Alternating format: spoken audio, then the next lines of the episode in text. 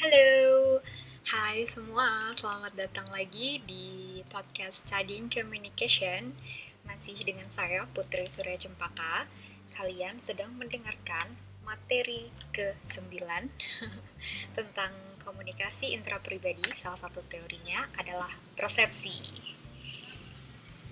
Nah, uh, seperti biasa, saya harus menyapa dulu, itu adalah mandatory.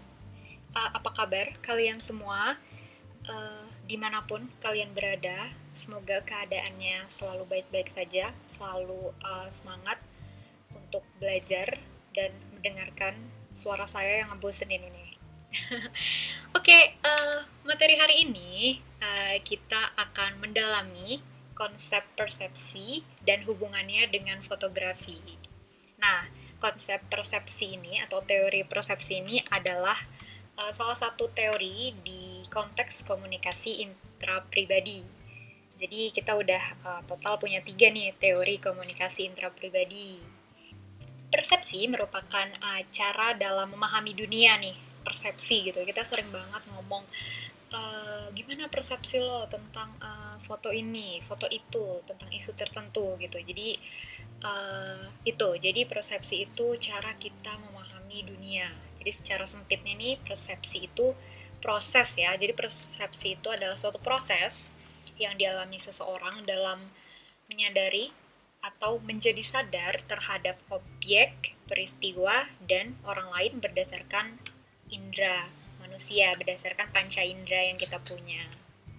Nah, persepsi itu uh, adalah hasil dari apa yang terjadi di luar diri, yang eksternal, uh, juga itu dari pengalaman pribadi, dari hasrat, dari kebutuhan, dari keinginan, rasa cinta, benci. Nah, itu semua dari yang internal. Dan persepsi itu semua hal yang terjadi baik eksternal dan internal itu akan memengaruhi sikap terutama dalam berkomunikasi. Karena tadi udah disebut persepsi adalah proses, Nah, eh, berikut adalah tahap-tahap eh, terjadinya persepsi ya. Jadi mungkin kita eh, mengalami proses persepsi ini dalam hitungan detik gitu, atau bahkan kita tidak menyadarinya. Ini, jadi proses-prosesnya adalah yang pertama eh, stimulasi. Stimulasi ini uh, proses di mana pesan diterima indera jadi uh, kalau kita dengar sesuatu yang menerima berarti telinga kita atau kalau kita melihat sesuatu yang menerima berarti mata kita gitu ya. Ini baik uh, ada komunikasi baik verbal maupun komunikasi non verbal. Itu. Jadi yang pertama diterima dulu oleh indera. Yang kedua diorganisasikan nih pesan yang uh, diterima itu dikategorikan berdasarkan uh, dia kedekatannya dengan apa atau dia mirip dengan apa atau dia berbeda atau kontras sama sekali dengan hal yang lainnya gitu. Jadi oleh otak kita itu diorganisasikan. Ini nih apa nih maksudnya? Ditempatkan uh, berdasarkan itu tadi berdasarkan kemiripan atau perbedaan dengan pesan-pesan yang lainnya. Yang ketiga ini ada tahap interpretasi dan evaluasi digabung ya ada interpretasi dan evaluasi. Jadi pesan yang dipahami berdasarkan uh, pesan yang diterima itu dipahami berdasarkan pengalaman budaya uh, sosial lingkungan pendidikan kita itu uh, langsung dipahami itu diproses uh, de, berdasarkan ilmu yang kita punya. Nah setelah diproses pesan tadi yang sudah diinterpretasi masuk ke memori. Itu adalah langkah yang keempat. Jadi sudah diinterpretasi, pesannya disimpan dalam memori. Selanjutnya, langkah yang kelima itu mengingat kembali atau recall. Jadi, kalau kita butuh lagi nanti terkait hal tersebut, kita bisa mengakses kembali uh, dalam memori kalau dibutuhkan suatu saat lagi nanti. Nah, itu jadi proses bagaimana suatu persepsi itu terbentuk. Jadi mungkin kita nggak sadar uh, bahwa kita telah mengalami proses persepsi, tapi pasti setiap hal yang kita terima, setiap informasi yang kita terima itu melalui proses persepsi ini sampai disimpan di memori dan nanti kita uh, ingat kembali ulang jika dibutuhkan informasinya.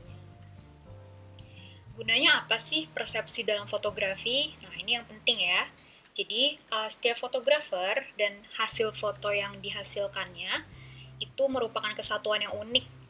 Perpaduan itu menyajikan persepsi terhadap objek dan peristiwa di sekitarnya. Jadi uh, dari fotonya aja nih kita bisa lihat nih persepsi si yang motonya, persepsi si fotografernya bisa dilihat dari hanya hasil fotografinya. Fotografer juga uh, secara nggak sadar nih menggambarkan persepsinya mengenai dunia dalam foto-foto yang dipotretnya. Tadi ya, jadi kita hanya bisa lihat hasil fotonya, ini si fotografer orangnya kayak apa nih, gitu. Selain mencerminkan realitas sosial dari foto, uh, foto yang dihasilkan seorang fotografer juga merupakan cerminan. Itu tadi persepsi fotografernya. Jadi uh, sosok seorang fotografer itu bisa terlihat uh, persepsinya dari karyanya.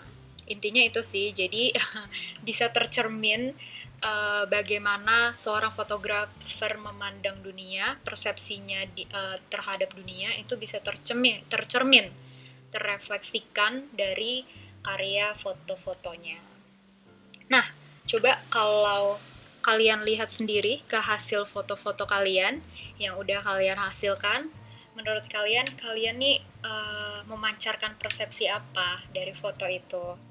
Oke, sambil dilihat ulang ya foto-foto yang lama. Uh, Oke, okay, uh, untuk persepsi segitu dulu. Uh, that's the end of our discussion tentang perception.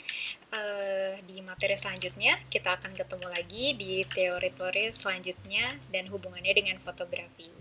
Thank you for listening and see you again. Bye.